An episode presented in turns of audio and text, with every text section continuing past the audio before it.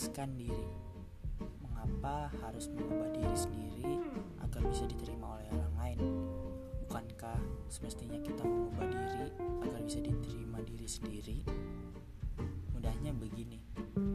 Bagaimana aku bisa berharap seseorang mencintai dan memperjuangkanku sampai akhir bila aku saja nggak bisa mencintai diri sendiri? Bagaimana orang bisa menghargai setiap potensi dalam diriku ini bila aku sendiri nggak bisa menghargainya? Sebelum aku melaju ke mana-mana, semestinya aku benahi diri ini untuk diriku sendiri.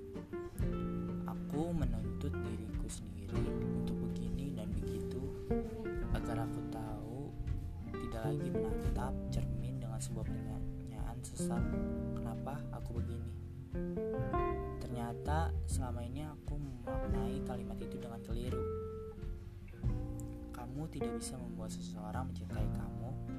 Yang bisa kamu lakukan sekarang adalah memantaskan diri untuk dicintai seseorang. Selamat malam, semoga selalu bahagia. Sampai jumpa.